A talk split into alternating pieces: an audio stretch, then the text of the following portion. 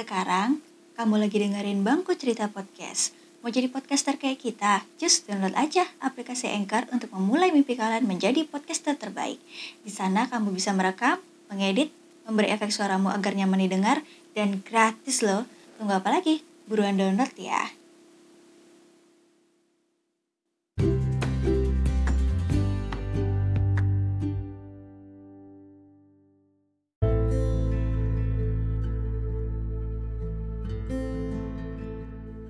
Hey guys, apa kabar hari ini? Semoga kalian dalam keadaan baik-baik saja. Oke, di sini Mbak Bel bakal ngebacain sebuah email yang masuk di email trilogi persahabatan at gmail.com. Oke, uh, sebelumnya udah dibaca sih, cuman kita atas sudah atas persetujuan dari pengirim ini boleh dipublikasikan. Dan di sini kita pakai nama samaran. Oke. Hai Kak. Perkenalkan namaku sebut saja Bunga. Aku sudah mendengar podcast Kakak yang tentang perselingkuhan. Hehehe. Aku juga punya kisah tentang perselingkuhan, Kak. Aku curhat sedikit boleh kan, Kak? Di sini posisi aku sebagai selingkuhannya ya, Kak. Jujur li, jadi selingkuhan itu nggak enak ya, Kak.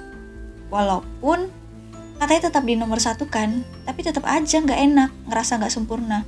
Mau posting apa pun di sosmed juga nggak bisa. Nyesek. Padahal ya kalau cewek itu pengennya dianggap ada atau bahkan digandeng sana sini dikenalin orang-orang sekitar. Tapi bodohnya aku kenapa ya aku mau jadi selingkuhannya? Padahal jelas-jelas itu nggak baik. Karena aku berpikir gimana ya perasaan pasangannya ketika tahu ternyata cowoknya selingkuh pasti nyesek banget karena aku juga cewek. Dan sekarang aku ngerasa berdosa banget. Kenapa aku mau jadi selingkuhannya? Gimana ya kak caranya supaya aku keluar dari silker ini? Aku sudah pernah mencoba untuk lepas dari dia kak. Tapi dia ngancam aku. Jadinya aku luluh lagi. Ngerasa nggak tega. Kasih aku saran dan solusi terbaiknya ya kak.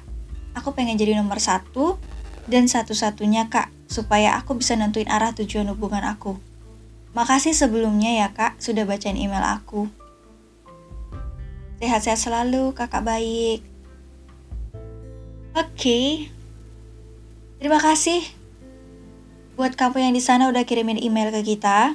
Buat teman-teman yang mau ngirim email ke kita juga boleh memberikan cerita kehidupannya, minta sharing sama kita juga boleh.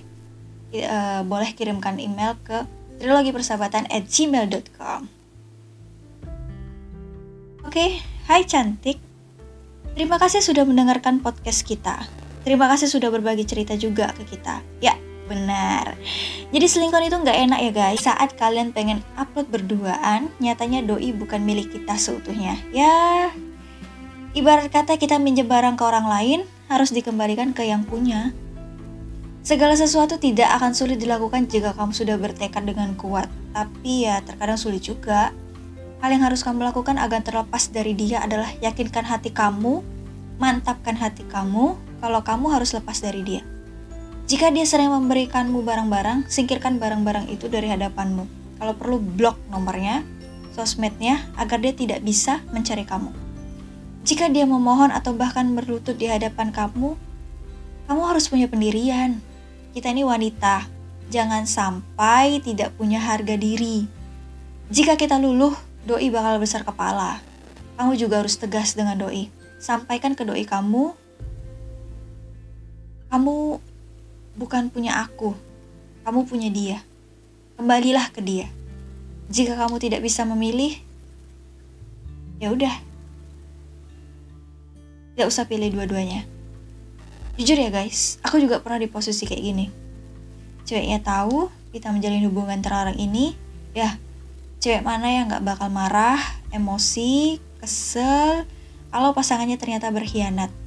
Oke, singkat cerita aku minta maaf, tapi aku rasa dendam itu masih ada. Tapi ya udahlah, sampai suatu masa si cowok telepon-telepon aku dengan alasan kerjaan. Oke, sekali. Aku pikir ya biasa lah ya.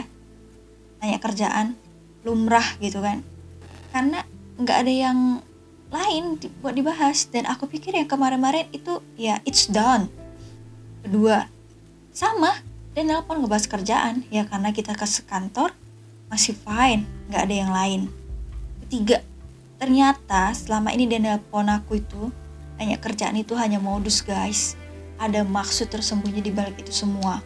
Singkat cerita dia ngajak aku ketemu dengan alasan aku ada bisnis sama kamu. Dan aku nggak bisa ceritain ini di telepon otak aku dengan cepat merespon duh maaf nggak bisa next time aja aku pikir clear guys ternyata enggak dia nggak nyerah dong. Dia telepon aku lagi, tapi kali ini dengan tegas aku menolak. Aku nggak mau berurusan apa pun lagi dengan dia. Karena memang udah nggak ada yang mau dibahas lagi. Dia mungkin kesel sama emosi kali ya. Oh, jadi kamu nolak aku? Aku jawab, iya, aku tolak. Mulai dari saat itu sampai detik ini dia nggak pernah nyari atau ngubungin aku lagi dan aku pun resign dari kantor itu. Ya intinya sih kita harus tegas. Jangan melulu ngikutin hati dan perasaan. Kita yang bakal terjebak di dalamnya nanti. Jika dia tulus memilih kamu dan menjadikanmu satu-satunya, mungkin memang benar kamu adalah tulang rusuknya yang hilang. Tapi jika dia tidak bisa menentukan pilihannya, ya tentukanlah pilihan kamu. Kamu memang bahagia sama ada di samping dia. Tapi hal yang harus kamu sadari adalah itu semu, not real. Di saat dia kembali dengan kekasihnya, hatimu seperti tercabik-cabik, sakit, perih. Mau ngadu dengan siapa pun kamu pasti salah. Kamu hanya selingkuhannya. Oke, balik lagi, pilihan ada di tangan kamu. Karena kamu yang menjalani, tapi ingat, jangan sampai kamu menyesal dengan apa yang sudah kamu pilih. Sakit pun itu kamu yang rasa. Hal yang harus kamu tahu adalah kamu berhak mendapat kebahagiaan seutuhnya. Masa iya? 275.361 267 jiwa penduduk Indonesia nggak ada yang nasir sama kamu. Mustahil. Lebih baik kita dicintai daripada mencintai. Jika kamu mencintai dia, siap-siap kamu lebih banyak terluka. Jika kamu dicintai, kamu akan selalu menjadi ratu di hatinya. Open your eyes. Mungkin ada lelaki tulus yang ada di hadapanmu, menyiapkan pundaknya untuk kamu bersandar, menyiapkan jari jemarinya untuk menggenggam tanganmu, dan selalu berusaha mengukir senyum di bibir manismu.